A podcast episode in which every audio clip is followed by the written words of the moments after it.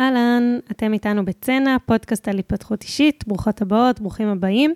זה הפרק התשיעי כבר, אז אם אתם מאזינים, מאזינות פעם ראשונה, שתדעו שבכל פרק תמי, גור ואני, ירדן ברזילי, אנחנו מדברות על ספר אחר שקשור להתפתחות אישית.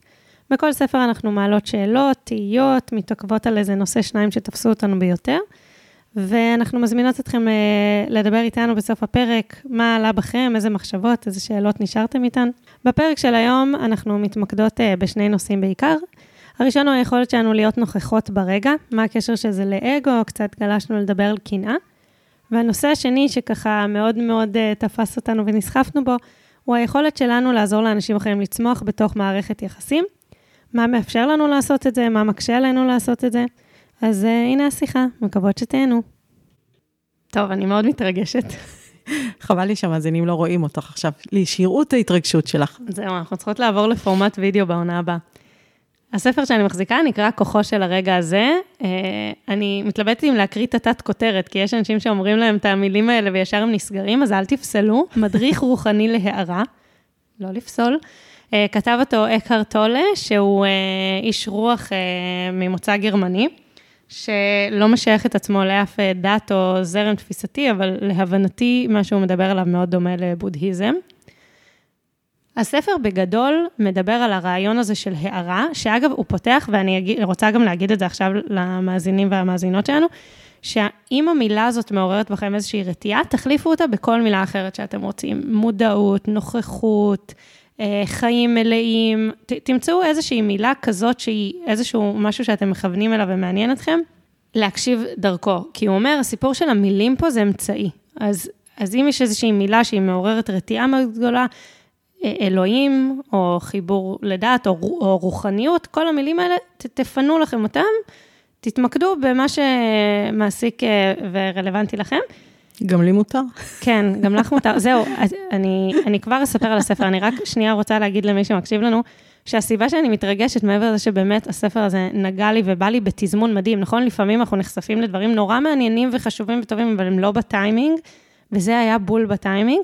וגם נורא רציתי לשכנע את תמי בכל הדברים שהתחברתי אליהם, אני חוששת שאת לא תסכימי, אה, אבל בסדר. הוא מדבר בספר, באמת זה מדריך שהוא כמו מסע כזה, הוא כתוב בצורה של שאלות ותשובות, שזה מאוד אה, עוזר לקרוא. לעבר היעד הזה שהוא אה, הערה, הגשמה, נוכחות, מה שתבחרו עבור. אוקיי, אני משחררת אותך, תקראי לזה הערה, ואני והמאזינים שדומים לי, נעשה לעצמנו את התרגום. לא, דווקא בשבילי אה, חיים מלאים או נוכחות, זה המושגים שיותר מדברים אליי. אוקיי. חיבור אולי. אז הוא, הוא, הוא בעצם, הספר בעצם מבהיר מה זה ואיך מגיעים לדבר הזה. זה, זה באמת מדריך, הוא כתוב כמדריך, עם כל מיני שאלות ו, ואתגרים, ו, ואני אה, אספר לך שלי יש איזושהי הסתייגות אה, ממדריכים, נראה לי שאת יכולה להזדהות עם זה, כי באמת אנשים שונים רואים דברים אחרת, ו, וכשעושים לנו מנואל כזה של תעשי 1, 2, 3 ותגיעי לתוצאה הזאת, זה מעורר סקפטיות, כי מה הסיכויים שאצל כולנו זה, זה יוביל לאותם דברים. אז דווקא הספר הוא, הוא בנוי בחוכמה, במובן ש... אה, שהוא קודם כל מביא שאלות ותשובות שהוא נשאל על ידי התלמידים שלו לאורך השנים, והוא מאפשר, הוא אפשר לי בחלק מהשאלות נגיד מאוד להזדהות ובחלק לא, אז, אז זה ככה אה, נתן לי כן למצוא את המקום שלי, והוא גם אומר שבחלק מהדברים, הוא אומר דברים מאוד חד משמעיים, כי אנחנו מצויים היום אה, כחברה, כעולם, מאוד רחוק מהמקום הזה, אז לפעמים צריך איזה שהן אמירות שהן מאוד אה, אה, ככה משקשקות, אבל, אה, אבל, אבל גם את זה אפשר לקחת בערבון מוגבל וכל אחד להתחבר, ו, ודווקא הספר הוא מאוד מעצים, כי הוא בעצם מדבר על להיות נוכחים ברגע, באופן מלא, לחיות את הרגע הזה. ו- ועל העוצמה הענקית, ענקית של הדבר הזה, שאנשים מתארים את זה כהערה, אה, מי שחווה איזשהו רגע כזה שחייו משתנים בעקבות זה, שזה גם הסיפור שלו, ואגב, של הרבה מהכותבים האלה, שהם עברו איזשהו אה, סוויץ' כזה, מה אפשר, מה קרה אחרי הסוויץ', ו... ובאמת שכל החיים אחרי זה אה, משתנים, ובסוף זה הכל מתמקד בנו. במשהו שהוא כבר בתוכנו, כאילו, לא באיזה משהו חיצוני, במישהו אחר שהוא מודל השראה, יום אחד אני אהיה כמוהו, לא. את כל העוצמות, או לחילופין, את כל הפשטות דווקא מאידך, יש כבר בנו. ומה זה הדבר הזה? זה באמת אה, ה- היכולת שלנו להיות רק כאן ועכשיו. עכשיו, זה, זה, אני רגע, לא... את עברת עכשיו להסביר לנו מה זה אומר להיות מואר, או בהגשמה, או מה שאני לא אבחר לקרוא לזה? אה, כן, אוקיי. לא, את כזה זרמת מהקדמה על, על הספר ואיך לא להתנגד לו, ואז נכנסת לאז פשוט לעשות לעצמי סדר בראש. את בעצם עכשיו מסבירה לנו מה, מה, מה המונח הבסיסי הזה שהוא מדבר עליו. כן, בדיוק. על, ה, על הכוח והעוצמה, ושוב, מצד שני, אולי דווקא הפשטות והשלווה שבלהיות נוכחות בכאן ועכשיו. ויש כמה מושגים, זה מעניין, אני, אני לא יודעת אפילו את ה... אני אספר לך, ואחרי זה נראה אם באמת יש ערך ללשמוע את המושגים ככה בלי הסיפור. אה, הוא מדבר על גוף הכאב. גוף הכאב זה ההצטברות של כל הכאב הרגשי שלנו מהתנסויות העבר. אה, וזה משהו שהולך וגדל כשאנחנו לא נוכחות ברגע הזה, ככל שאנחנו יותר עסוקות בעבר שלנו, אז לגוף הכאב יש מקום יותר אה, נוכח בחיים שלנו, מדבר על זמן פסיכולוגי, שזה אה, כשאנחנו בעצם מזדהים עם העבר או מאוד עסוקים בעתיד, אה, בניגוד ללהיות עכשיו אה, ברגע הזה, והוא מדבר על מודעות וחוסר מודעות, שהתייחסנו לזה כבר בפרק האינטליגנציה רגשית, אז ככה, אם מישהו לא הקשיב, אני, אני ממליצה להקשיב, אה, אבל זה בעצם, חוסר מודעות תמיד קשור בזה שאנחנו מכחישות את הרגע הזה. זאת אומרת, אם אנחנו נוכחות באופן מלא ברגע הזה, אז אנחנו תמיד במודעות. אה, והוא מדבר על אגו, שזה נושא ככה שמעסיק אותי. אה, יש פה הגדרה מצוינת בעיניי לסיפור הזה, אנחנו נחזור אליה. לאגו? לאגו. תחושת עצמי שמבוססת על שכלול נתונים. זאת אומרת שזה תמיד מתייחס למשהו חיצוני לנו, לא למה שאנחנו מרגישות ברגע הזה, אלא למעמד, רכוש, אה, כסף, אה, איך תופסים אותנו מבחינה חברתית, וגם עמדות שאנחנו מזוהים איתן, נגיד עמדות פוליטיות או דברים כאלה, וכל הדברים האלה הם בעצם, אה, לפי, אה, לפי מה שאומר, הם לא אנחנו. אנחנו זה רק מה שאנחנו עכשיו ברגע הזה, והוא מדבר על כניעה. שזה אומר אה, לשחרר את ההתנגדות. נראה לי אה, שגם על זה דיברנו קצת במושגים אחרים בפרק על אינטליגנציה רגשית, שהרבה פעמים אנחנו מצויים, אה, מצויות בהתנגדות למשהו, או למשהו שקרה לנו בעבר, או למשהו שאנחנו אה, חוות כרגע, למשהו שאמור להיות בעתיד, באיזשהו מצב של פער בין מה שאנחנו חושבות שאמור להיות למה שבעצם קורה בפועל כרגע, וכניעה זה להפסיק להיות בהתנגדות הזאת. אה, להתמסר באופן מלא לרגע הזה. עכשיו, בגלל שהרעיונות האלה, למי שככה אה, כבר מכיר אותם, אז אולי הם טיפה אה, בנאליים וחוזרים על עצמם, ולמי שלא מכיר, אני בוודאי לא יודע לייצג נאמנה בפרק הזה את הרעיונות, אז אני כן אדבר על, על הנקודות שנגעו לי, שאני יכולה לדבר אותן בשפה שלי, אני חושבת שזה... יכול להיות מובן. אז קודם כל, יש איזושהי נקודה, אני אדבר, אני כבר אגיד ששני נושאים ככה ש... ממש ממש תפסו אותי, זה הסיפור של האגו, ומשהו שקשור לאהבה ומערכות יחסים. אבל לפני זה, יש, אה, הייתה חוויה, דיברנו הרבה פעמים על זה שכשהתהליך והתוכן מסונכרנים ביניהם, קורית חוויה הרבה יותר עוצמתית. נכון. עכשיו, בספר הוא בעצם מדבר על איך להיות נוכחת ברגע, ואני לא יכולה להסביר לך כמה פעמים שמתי לב שהראש שלי נודד בזמן הקריאה. עכשיו, אני אפילו לא יודעת להגיד תראי, ספרי עיון זה, זה דבר מאתגר, אני קוראת הרבה ספרי עיון ולא, ואני ממשיכה לקרוא, וזה תמיד מאתגר. אני יכולה לתפוס ספר קריאה, אה, רומן, לסיים אותו ביומיים, להיות כל כולי בתוך זה, קצת כמו לראות טלוויזיה, בגלל שאני קוראת מילדות, אז הדמיון שלי ככה ממש רץ, בשבילי זה כמו לראות טלוויזיה, הקריאה של ספרי קריאה. אבל ספר עיון הוא מצריך ריכוז, זה מאמץ. והראש שלי פשוט לא הפסיק לנדוד. כל פעם, כאילו, את כאילו קוראת, כאילו את עושה רוורס עכשיו ואת חושבת על עוד דברים במקביל, רק שזה לא עובד, כי הרוורס, האוטו לא נוסע, אני קוראת, אבל התוכן לא נכנס לי לראש. אז זה כאילו היה פה מתאם כזה בין השיח על להיות נוכחת ברגע, לבין ממש לתרגל את זה בזמן קריאת הספר. ולמה היה לך כל כך קשה להישאר בספר? אז יפה. אני לא יודעת אם זה קורה לי תמיד בספרי עיון שאני קוראת ואני פשוט לא שמה לב, כי הם בטוח מעוררים בי הרבה מחשבות, ואז הרבה פעמים המחשבות הן כאילו מנהלות אותנו. זה כאילו הראש לא, אנחנו לא שולטות ברגשות, במחשבות שלנו, סליחה, זה פשוט פתאום רץ מדבר לדבר, וככה מאוד אסוציאטיבי, ו, וזה זרם כזה שכאילו אין לנו שליטה עליו, אז אני לא יודעת אם זה זה, או שבעצם, כאילו, הלחץ של להיות נוכחת ברגע, מרוב מאמץ אי אפשר, זה לא, יש ביוגה אה, מושג שנקרא המאמץ הנכון, ש, שזה המאמץ, שזה האמצע בין להתאמץ ללשחרר, וככה בעצם עושים נכון את התנוחות. אז, אז כאילו למצוא את, ה, את המקום הזה, מרוב השיח עליו, הייתי במאמץ גדול מדי, מה שלא אפשר. הוא אומר שם בספר משהו שכל כך חכם, שממש לקחתי איתי, שהוא אה, שואל, אחת השאלות ששואלים אותו שם, אז, אז למה אני עוד לא מרגיש שלווה?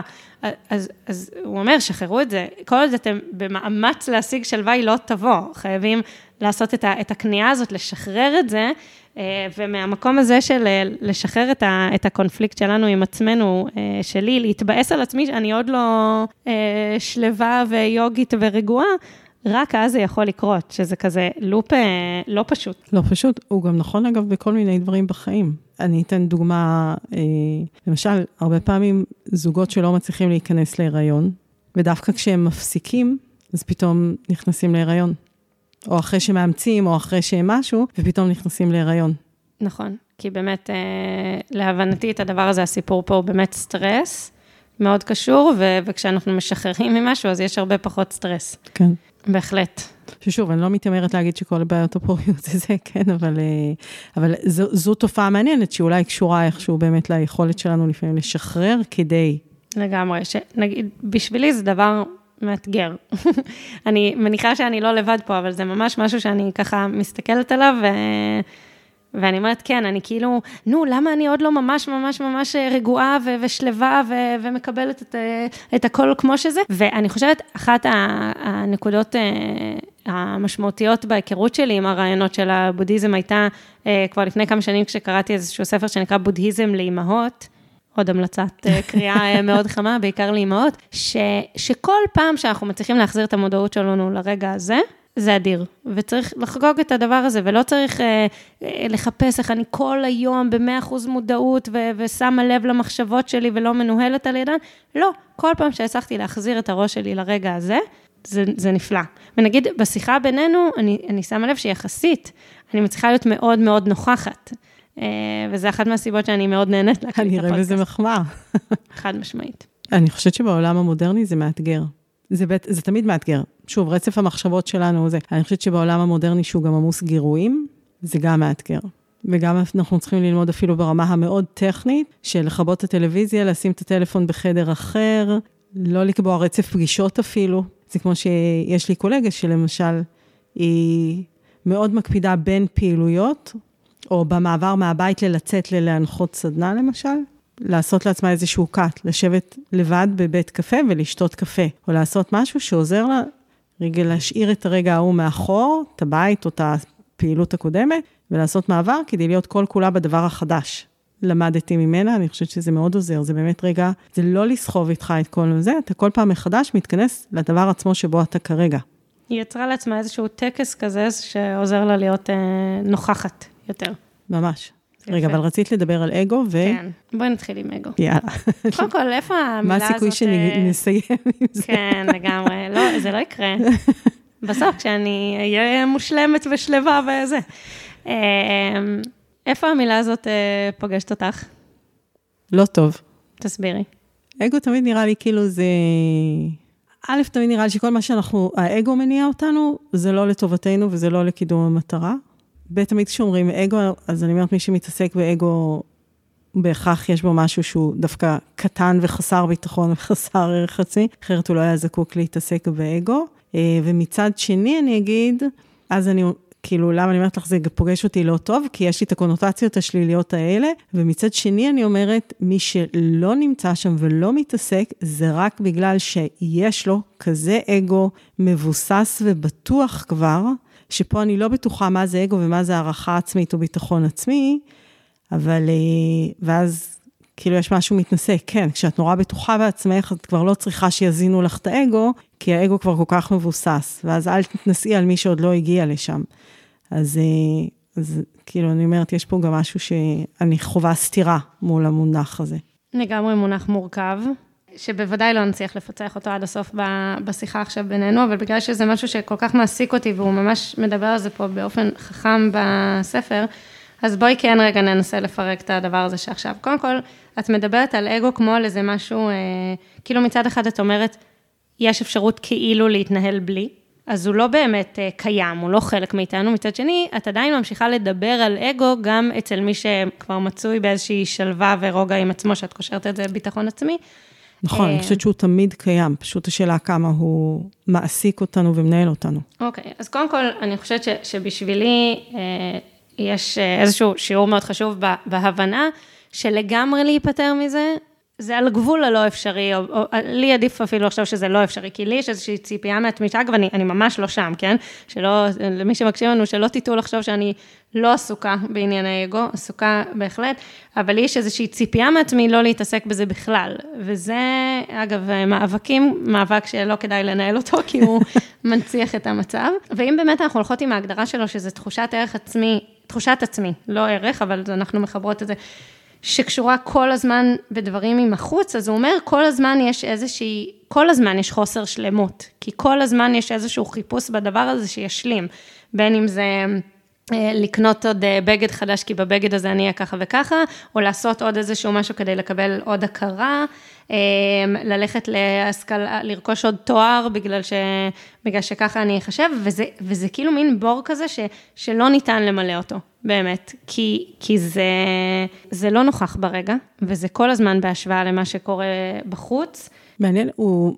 אני לא יודעת אם יש התייחסות לזה בספר, אבל כאילו אז אני שואלת את עצמי, אם תמיד יש לנו את האגו והאגו תמיד צריך להיות מוזן, האם יש למשל אלטרואיזם מוחלט? רגע, תמי, אני לא ארשה לך. לא, שנייה, שנייה, חכי. לא, הלכת רחוק מדי, שנייה. קודם כל, אין אלטרואיזם מוחלט, אבל, אה, אבל לא, לא, רגע, רגע, אל תיקחי לי, שנייה. אני חושבת, אני שנייה רגע רוצה לבדוק איתך רגע את הטענה הזאת של כמה אנחנו אה, מבינות אותה, או חושבות ככה.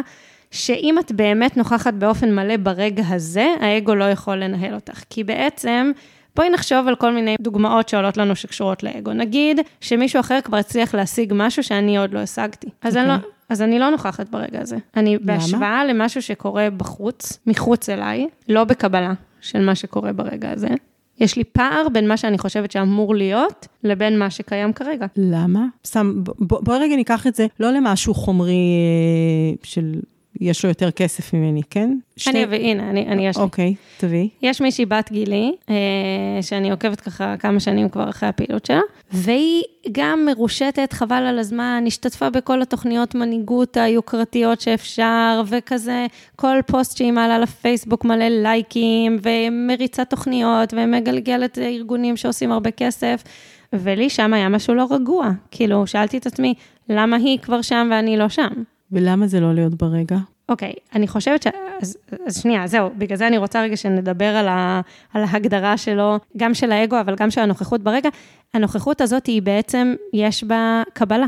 כאילו זה מבט לא שיפוטי על מה, שאני, על מה שקורה לי כרגע. נגיד, הנה הוא אומר, היו נוכחים כצופים במוח של האגו, במחשבות וברגשות, כמו גם בתגובות שלכם למצבים השונים. התעניינו בתגובות שלכם, לפחות כפי שאתם מתעניינים במצב עצמו או באדם שגרם לכם להרגיש ככה, שגרם לנו להגיב. זה עדיין... אם אני מסתכלת על זה שאני אמורה להיות במקום אחר ממה שאני עכשיו, אז או שאני מסתכלת על העבר בחוסר שביעות רצון, או שאני מסתכלת על העתיד בחשש, בפחד. לא הבנתי, מה, מה, מה את חותרת? שאם אני רואה משהו שאני רוצה, אז אני לא אחשוב על זה שאני רוצה אותו אם אין לי אותו כרגע? לא, אני לא חושבת שכל דבר שאני מסמנת שאני רוצה הוא קשור באגו. לא, אני פשוט באמת לא מצליחה להבין למה זה בהכרח אגו ומה זה אומר. אני רגע אתן דוגמה, למשל, אם את, אם את, אני אנסה להתחבר לדוגמה שלך. אם את כשאת אה, קוראת פוסט שלה, או פוגשת אותה באיזשהו פרויקט שאתם עושות ביחד או משהו, ואת מתפעלת ממנה, ואת גם בו זמנית אומרת, וואי, אני גם הייתי רוצה. Okay? אה, א', אני לא יודעת אם זה בהכרח קשור לאגו, אבל גם אם כן, למה זה לא להיות ברגע? אני לא בטוחה שפשוט אני רואה את הסתירה בין אגו לבין להיות ברגע לבין... אוקיי, okay, תראי, דיברנו, אה, דיברנו כבר על קנאה בפרקים קודמים. קנאה זה, זה רגע שהוא נובע מפער בציפיות, מפער בין מה שקורה בפועל בחיים שלי כרגע למה שלדעתי אמור להיות. עכשיו, מה שיש לי בחיים כרגע הוא פשוט מה שיש. אז הכניעה הזאת או הנוכחות ברגע היא בעצם המחשבה שמה שיש הוא מה שאמור להיות. אין את הפער הזה. אז קנאה היא בעצם רגש, ו- וקנאה היא מאוד קשורה באגו בעיניי הרבה פעמים. היא יושבת בדיוק על, על הפער הזה, שאם אני לא מביטה בו, אלא פשוט נוכחת במה שיש כרגע ומקבלת את המציאות כפי שהיא, אז אני, אני לא אחוש קנאה. אני זהירה רגע מלהיכנס עכשיו לדיון פילוסופי על מה זה בדיוק קנאה, והאם קנאה היא... כי אני שואלת את עצמי, מה ההבדל בין קנאה לשאיפה? נניח שאת לא רוצה ברעתה בשום צורה, כן? אלא את אומרת, וואי, איזה מדהימה ואיזה כיף לה וזה, גם אני הייתי רוצה. השראה, זה בעייתי? נראה לי שאת מדברת על השראה, וזה לא כמו קנאה. היא אוקיי. יכולה להיות, זה יכול לבוא ביחד, אבל זה להיות ברגע אבל? קנאה, לא, לא קנאה. השראה, כן. השראה, אני לא יודעת אם זה, את רוצה לקרוא לזה השראה? השראה, אוקיי, כן. אני אומרת, אני לא יודעת אם זה השראה, כי לצורך העניין, אם האחיין שלי כרגע מטייל באלפים, ואני מאוד אוהבת לטייל באלפים, והוא עכשיו עושה שם טרק, אני מאושרת שהוא שם, אני נורא נהנית לקבל ממנו כל שיתוף. עדיין אני גם הייתי מתה להיות שם כרגע. אני לא מקנאה בו, אני פשוט, זה משהו ששנינו אוהבים, וכן, הייתי רוצה לעשות. אין בי גרם של משהו שלא מפרגן לו ולא שמח איתו. אוקיי, אז אני שנייה שנייה נעה למשהו אחר שהוא מדבר עליו, ואולי זה יעזור לנו להבין, אוקיי. ואולי לא. לא, לא, חששתי שזה מה שיקרה בספר הזה, כי זה לא שהרגשתי שאני יכולה לייצג נאמנה עד הסוף את כל הרעיונות, על אף ש, שבתוכי הם קצת, זה חקוק כבר, אבל כנראה עוד לא ברמה של להצליח להסביר את זה עד הסוף. הוא אומר כשיש איזושהי אה, תחושה, כמו שאת אה, מתארת כרגע, של פער כזה, אז אה, יש בגדול שלוש אופציות. או לשנות משהו ברגע הזה, לצורך העניין, לטוס לנסוע לאלפים. נראה לי רעיון טוב, אהבתי את הפתרון. או, אה, או לצאת מהרגע הזה, באיזשהו אופן. איך? אני לא יודעת, לא להסתכל על התמונות שלו, אה, או להפסיק אוקיי, לחשוב ששם כן. את רוצה להיות, או פשוט לקבל אותו באופן מלא, שזה אולי איפה שאת כן נמצאת כרגע, שיגיד, אוקיי, זה המצב כרגע, אני פה, אני רוצה להיות שם, ואני חיה עם זה בשלום. אולי זה ה... אני חיה עם זה בשלום, אני עדיין רוצה להיות שם. את יודעת, אני חושבת, אני חושבת שהחוסר הבנה בינינו הוא, הוא, הוא ליבת הדיון פה. אה, אז אני שנייה רגע עושה זום אאוט, ואני אנסה רגע להציע איזושהי אה, שאלה פה, שככה, שבה אנחנו עוסקות. בעצם, יש אה, תחושות ורגשות שעולים בנו, שאנחנו יכול, יכולות לסווג אותם כלא נעימים. אה, או באמת שאנחנו רוצות להיות במקום שאנחנו לא, או שפשוט אה, אנחנו עצובות או כועסות כרגע, או כל מיני דברים כאלה, שאנחנו כן מסווגות אותם כחיובים ושליליים. ש... שוב, אני לא בטוחה עד כמה זה דבר מקדם, אבל נסכים עם זה שיש כרגע, לפחות בחיים שלנו, רגשות לא נעימים. ואז, האם מה שהוא אומר בעצם זה אל תחושו אותם? לא. אז אם הוא לא אומר אל תחושו אותם, אז זה בעצם לחוש אותם ולהיות בהם ולהתבונן בהם, דרך אגב. להתבונן, זה הדבר המרכזי פה. להתבונן זה קל. לא, אבל סבבה. לא, אני אומרת, להתבונן זה יחסית קל, זה גם יחסית מובן לי ואני יכולה לקבל את זה. ואז אנחנו כאילו מדברות פה על איזשהו, האם אנחנו מדברות פה על גרף שיפור, שזה כאילו התפיסה שאני מנסה להציג ואת לא יכולה להתחבר אליה, שמתישהו אני אפסיק להיות עסוקה בדבר הזה ואהיה יותר נוכחת ברגע, או במילים אחרות אקבל אותו כמו שהוא, או שתמיד, גם ככל שאני אצמח ואתפתח רוחנית, יהיו לי רגעים שבהם אני אעדיף שהמציאות תהיה אחרת ממה שהיא כרגע, אבל אני אקבל את זה, שהיא לא יכולה להיות כרגע. אז לא, לא הצלחתי להסביר? אה, אני אנסה רגע להגיד את זה ותגידי לי אם הבנתי נכון. לא, אני חושבת שהצלחת להסביר, אני פשוט רוצה לבדוק שהבנתי את זה נכון. זה אומר שאני לא חייבת להיות מרוצה מהמצב כרגע, יכול להיות שאני רוצה לשנות אותו, אבל זה פשוט לא מעורר בי רגשות שליליים כמו אה, קיפוח, או, או רצון ברעתו, או כעס, או תסכול, אלא בסדר, לפעמים הוא באלפים, לפעמים אני באלפים, אני נורא שמחה בשבילו. כן, הייתי רוצה להיות באלפים, אבל אני לא הולכת עם זה עכשיו כבד עליי, על הזה, וזה לא, אז לא, לא, הבנתי. זה לא, כי, כי מה שאת מתארת הוא עדיין לא קבלה מלאה. כי את אומרת עדיין שלפעמים אני מתבאסת, כאילו, לפעמים אני חווה את הפער הזה בין מה שיש כרגע למה שאמור היה להיות או שאני אה, צריכה לעשות. כן, שבשם אחר אני חושבת שזה גם מוטיבציה. השאלה אם השלמה זה נוגד מוטיבציה? יופי, אוקיי, אז טוב, וואו, אני חששתי מההקלטה של הפרק הזה, אמרתי את זה כבר שלוש פעמים, וכנראה בצדק, כי זה נושאים נורא מורכבים, אני לא יודעת אפילו, זה לא רק שאין לי את השפה, זה גם, זה, קודם כל יכול להיות שהרעיון הוא מורכב ואין לי אותו מספיק בראש בשביל להצליח אה, להגיד אותו, אבל זה גם באמת אה, כל, עמוק כל כך בתפיסות עולם שלנו, שלפעמים אולי אנחנו אפילו לא יכולות לראות עד הסוף. א', אותו דבר, כמו, כאילו את ואני, אה, וב', יכול להיות. להבין באמת עד הסוף את, ה, את הרעיונות האלה. כאילו, אני מבחינתי, חלק מהשאיפה שלי היא, היא לא להגיד הלוואי והייתי עכשיו באלפים. היא להגיד, למה? היא להגיד, אני ארצה להיות באלפים. אני אעשה את זה, אני אהיה שם. אבל כרגע אני לא באלפים, וזה אוקיי. מה שצריך להיות כרגע. אני, אז אני אומרת, אני, אני לא, לא רואה את ההבדל בין מה שאת אומרת עכשיו למה שאני אמרתי. זה מה שאמרתי. זה לא שאני עכשיו הולכת עם הרגש תסכול הזה של אוף, אני לא באלפים, אוף, בא לי להיות באלפים. אלא, וואלה, ראיתי את התמונה, אני אומרת, כן, בא לי להיות, ו- ו- וזה בסדר, כי, כי אני באמת מקבלת את זה, שבחיים יהיו רגעים שאני אהיה באלפים, יהיו רגעים שלא, ו-hopefully, שזה גם לא תמיד נכון, אני גם אוהבת את מה שאני עושה כרגע. אני כרגע יושבת למשל איתך ומדברת שזה משהו שאני אוהבת, או אני כרגע נמצאת עם המשפחה שלי, או עוסקת בעבודה שאני אוהבת. אני פשוט חושבת שזה נורא קל להגיד כשיש לך חיים שאת מאוד אוהבת, וכשאת כרגע עסוקה במשימות פחות, או משהו פחות מסתדר, אז מה קורה שם? שהפער יותר גדל. אז אוקיי, אבל זה, זה בדיוק הנקודות. אה, אגב, זה מעניין, כי הוא אומר, דווקא משברים גדולים, וכשיש פער מאוד מאוד גדול ושקשיים מאוד גדולים, הרבה פעמים משם דווקא נובעת צמיחה רוחנית או התפתחותית אה, גדולה יותר, כי המצב הוא כל כך בלתי נסבל, שחייבים לשנות את כל המשקפיים של המציאות, ולא, לא לרצות להיות במקום אחר ממה שאת עכשיו. כן, זה, זה השאיפה. לא משנה מהו, בין אם זה מטלות קטנות, או לא באלפים, או מה שזה לא יהיה. אבל אני, אני אעבור רגע לדבר הבא ש, שתפס אותי, ידעתי שזה יהיה מאתגר.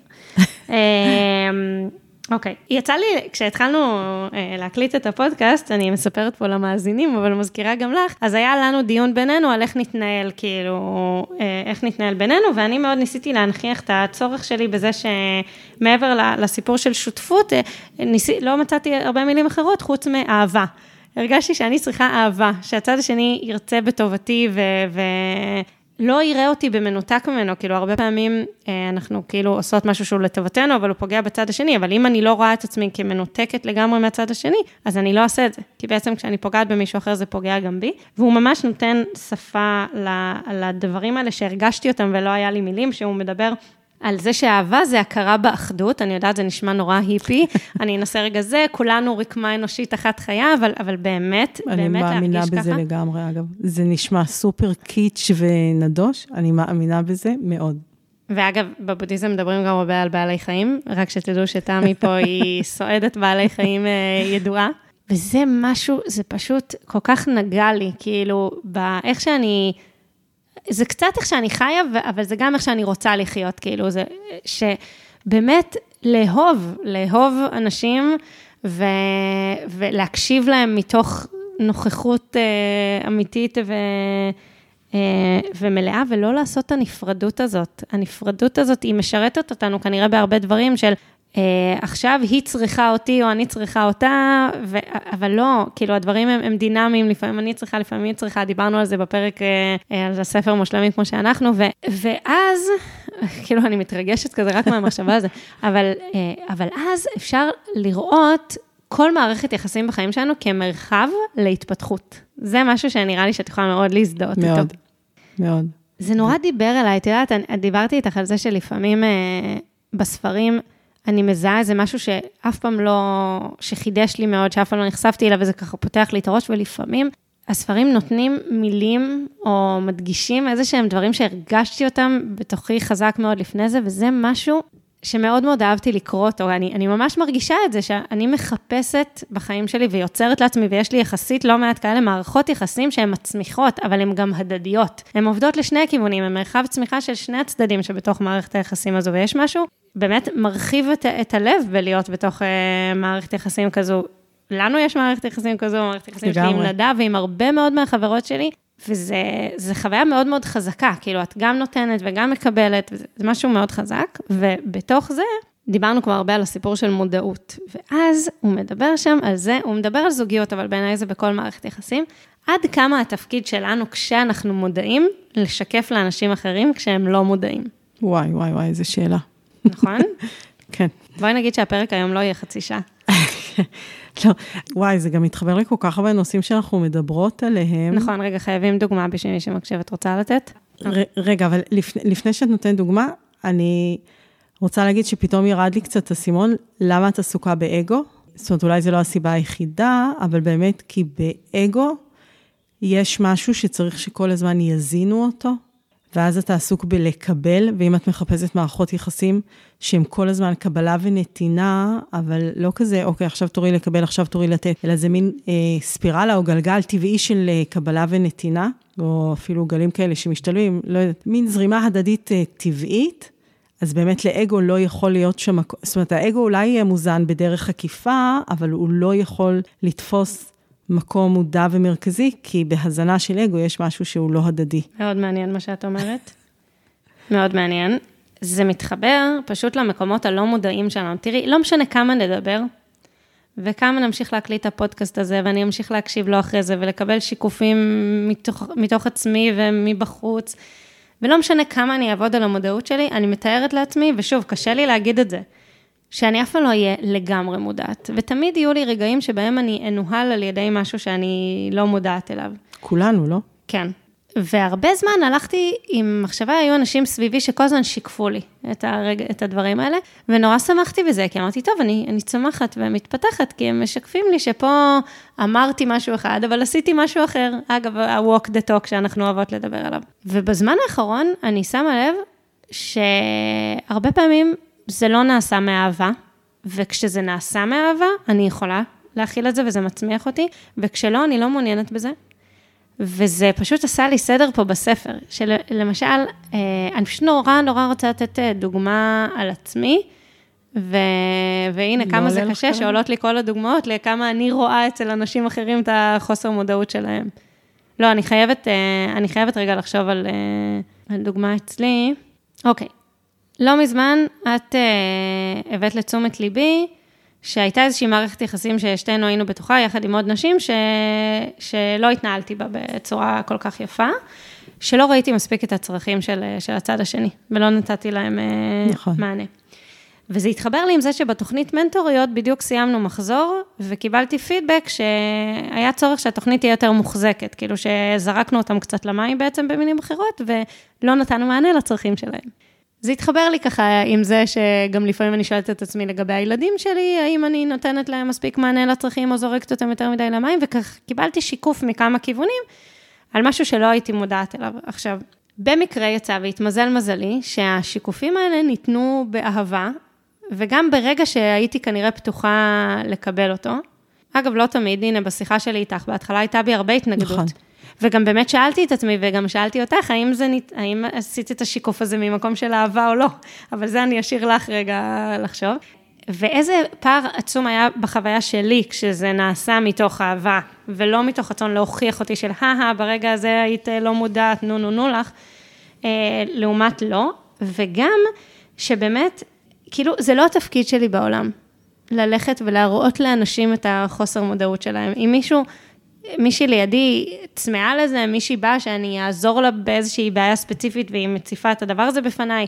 את ואני מנהלות לפעמים שיח על היכולת שלך אה, למכור את עצמך, או להיות שיווקית, או דברים כאלה. החוסר יכולת שלי. חוסר, הנה, הייתי, לא ידעתי במה את רוצה לשתף ומה לא. ואז, אם אני עושה את זה באמת מאהבה, אה, ששוב, זה, זה ההכרה שאת ואני לא נפרדות, שאם אני פוגעת בך, אני נפגעת גם בעצמי, ובמידה, וכשאני מרגישה שאת פתוחה לזה, אז יכול להתקיים שיח שהוא באמת מצמיח ו- ופורה, כשאני מצביעה לך על הנקודות האלה של חוסר המודעות שלך.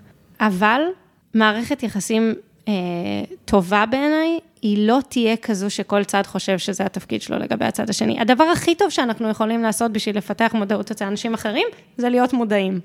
כאילו זה א', ב'. אני רואה את הפרצוף ה... כי אני חושבת שקצת הלכתי לאיבוד. אוקיי. Okay.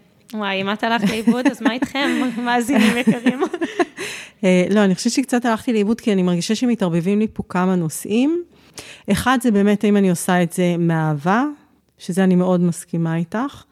אה, זה אולי הבדיחה על הפולניות, שהן תמיד מעבירות ביקורת, וזה לא מאהבה, זה מאיזשהו קיטור אה, או, או איזשהו צורך שלהם ולא מאהבה. אז אני חושבת האם זה מאהבה? זה כן, זה קריטריון אה, חשוב וברור. אבל מקום אחר, זה האם אני חושבת שזה יביא לצד השני, לא, רגע, ומקום נוסף שדיברת עליו עכשיו, זה האם אני צריכה לקחת אחריות, האם זה תפקידי לשקף לאחר, שאני מסכימה איתך שזה לא תמיד תפקידי לשקף לאחר, אבל המקום השלישי שכזה עולה לי, זה מה אם זה בא מאהבה, אבל אני לא חושבת שהוא יצליח לעשות עם זה משהו, ואז זה לא מועיל לו. מעניין. הייתי מאוד רוצה להגיד לו, כי אני חושבת שההתנהלות הזו פוגעת בו.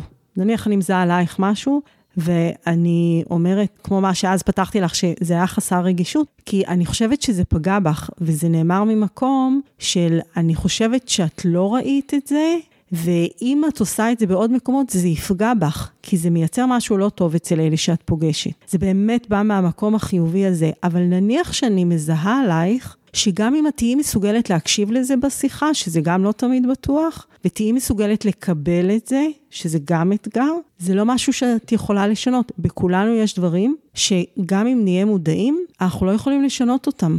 את יודעת מתי הצד השני יכול לשנות משהו ומתי לא? אני חושבת שיש דברים שכן, שאם אני אהיה כנה, אני חושבת שיש דברים שאני יודעת להגיד על אנשים מסוימים סביבי, שהם לא יוכלו לשנות אותם.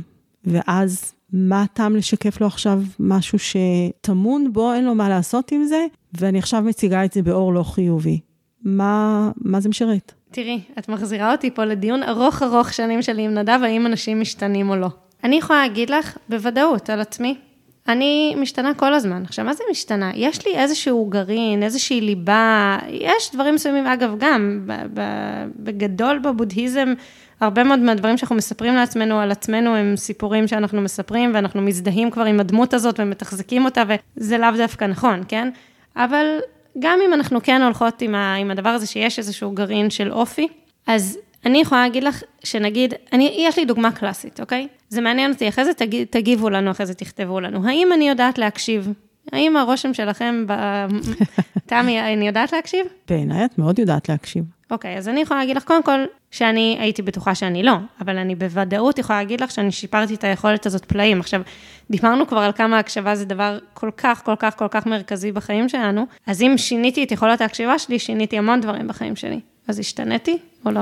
אבל אני לא אומרת שיש אנשים שלא מסוגלים בכלל להשתנות. לא, עכשיו, למה אני מביאה את הדוגמה הזאת? כי אני ממש הלכתי עם האמירה הזאת על עצמי, תפיסה עצמית מאוד מאוד חזקה, שאם אני צריכה לבחור בין לדבר ללהקשיב, אני חד משמעית מעדיפה לדבר. אני לא בטוחה אפילו שהדבר, שאני, עד עכשיו אני לא יודעת אם אני יכולה להגיד אחרת על הדבר הזה, אבל שזה משהו גם, בגלל שכל כך אהבתי במה וזה, שזה גם היה משהו שהדיבור אצלי ולא ההקשבה, היה כאילו צד הרבה הרבה יותר דומיננטי. אז אני אומרת, אני חושבת שאם אה, יש רצון, שזו שאלה מאוד מאוד מרכזית פה, זאת אומרת, האם את מזהה את הצד השני איזשהו רצון להביט בדבר הזה או לשנות את זה, אז כן, אפשר לעשות שינויים מאוד מאוד מאוד מאוד עמוקים ודרמטיים בחיים שלנו. אני אפילו קצת צורם לי שאת חושבת שאת יודעת האם הצד השני יכול לשנות את זה או לא. גם את יודעת, זה כזה ניסוי וטעייה, יכול להיות שאת תשקפי, גם צריך לשקף באופן חכם, לפעמים צריך בשאלה, לפעמים דווקא צריך באמירה. אני יכולה להגיד לך שיש מישהי... אה, בסביבתי שקרובה אליי, שיש איזשהו דפוס שהיא חוזרת על, עליו כל הזמן, שמביא אותה למקומות אה, מאוד לא טובים. ו...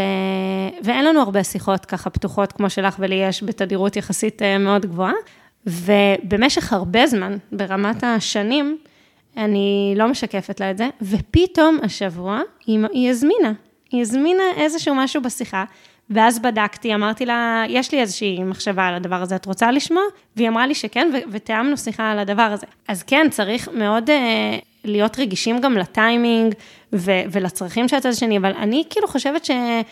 אני בעד לתת קרדיט. לא, אני בעד לתת קרדיט, ואני מקשיבה לך ואני אומרת, יכול להיות שהסיפור הוא באמת אה, גם מתי וגם כמה פעמים זאת אומרת, אם יש משהו שנניח כבר שיקפתי אותו שלוש פעמים, והבן אדם השני מאוד היה בהקשבה וכן התייחס, והוא לא מצליח לשנות, אז אולי זה מקום. אבל את יודעת מה? בואי אני אקח אפילו דוגמה עליי, שוב, ביחסים בינינו. אה, שאת אמרת לי באחת השיחות האחרונות שלנו, שלי יש איזושהי התבוננות אה, ביקורתית בכל מקום שאני מגיעה אליו. כאילו, אני לא מצליחה לא לחשוב גם מה, מה דעתי על זה, ואם, אוקיי. עכשיו, אני חושבת שזה נכון עליי, בסדר? אני לא חושבת שאני יכולה לשנות את זה. אני חושבת שאני יכולה לשנות את מה אני אעשה עם זה. זאת אומרת, את המחשבה, אה, את יודעת, זה קצת כמו שבטבעונות אומרים לי לפעמים, את הולכת ואת נהיית קיצונית. עכשיו, אני לא חושבת שאני נהיית קיצונית, אבל אני אומרת, זה נכון שיש משהו שברגע שאתה רואה, אתה לא יכול לא לראות את זה יותר. זה זהו, זה שם. אתה, כל, אתה תראה את זה. עכשיו אתה יכול לבחור מה אתה עושה עם זה. עכשיו, אני אומרת אותו דבר, המחשבות שלי, אני לא אוכל לא לראות או לאבחן או לשים לב לדברים, ולראות למשל מתי מישהו הוא לא walk the talk. אני כן אוכל לבחור כמה זה צובע לי את מה שאני בכלל חושבת על הבן אדם, כמה זה מאפשר לי להיות בתוך הקשר או הסיטואציה או הפרויקט, למרות שזיהיתי דברים מסוימים, אבל אני עדיין מסוגלת להשלים איתם. אז אני, אני חושבת שזה גם הבדל בשיקוף, מה המטרה גם של השיקוף. וזה המקומות שאני אומרת לך, יש דברים שאנשים לא יכולים לשנות. ויש למשל מנגנוני הגנה שאנשים מפעילים, שאלא אם כן אני מטפלת, שמשקפת כדי לעזור להם להתמודד עם מנגנון ההגנה, זה ממש לא תפקידי לשקף להם. כי אם אני אצליח לשקף, אני יוצרת שבר אולי, שכאילו, יצרתי שבר ומה עכשיו עושים עם השבר הזה? את יודעת, את, את, בעצם, אני חושבת, זה כאילו, יש משהו קצת מתסכל בדיון פה, כי אנחנו לא, לא נוכל לתת מסקנות חד משמעיות, לא עבור עצמנו ולא עבור אנשים אחרים, ובאמת הסיפור הוא, הוא כל הזמן מחדש, להיות נוכחת בתוך הסיטואציה ולקרוא אותה ולהרגיש. אז במובן הזה יש משהו מתסכל, אבל אני מחזירה אותך רגע כן, שוב, למשהו שהוא, נכון, הוא כללי יותר, והוא לא נותן גיידבוק למתי לשקף חוסר מודעות ומתי לא, אבל שאם אנחנו מסתכלות, אם אנחנו אוהבות, וזה כן משהו שבעיניי, מה זה בעיניי? אני תרגלתי אותו, אני, אני יותר הייתי בתחושה של הפרדה מאנשים אחרים, אני יותר טובה או פחות טובה, אני יותר זה או פחות זה, אה, הם ראויים או לא ראויים, הם נחשבים או לא נחשבים, ואני פחות ופחות שם, אני עדיין שם, אבל פחות. אז זה דבר שאפשר לתרגל אותו, עובדה, אני ההוכחה החיה לדבר הזה. אני ועוד מיליוני אנשים בעולם כנראה, אבל אני יכולה לדבר על עצמי. ואז, אם אנחנו מסכימות על זה שמערכת יחסים אה, היא מרחב לצמיחה, אז קודם כל, בעיניי, הדבר הראשון זה לוודא שאנחנו צומחות בתוכה. באמת, שאנחנו נותנות לצד השני, כן משקף, לא משקף, לא משנה, להשפיע עלינו. להיות שם ברגע הזה ולתת לדברים לנוע ולקרות. אני, אני אומרת איזה משהו שאני אה, לא יודעת אם הוא מסביר עד הסוף את, את מה שאני מרגישה, אבל אני כאילו הולכת בעולם, מחפשת מנטורינג. כל פגישה, כל שיחה, כל ספר, כל שלט חוצות, אני מרשה להם להשפיע לי על החיים. ו...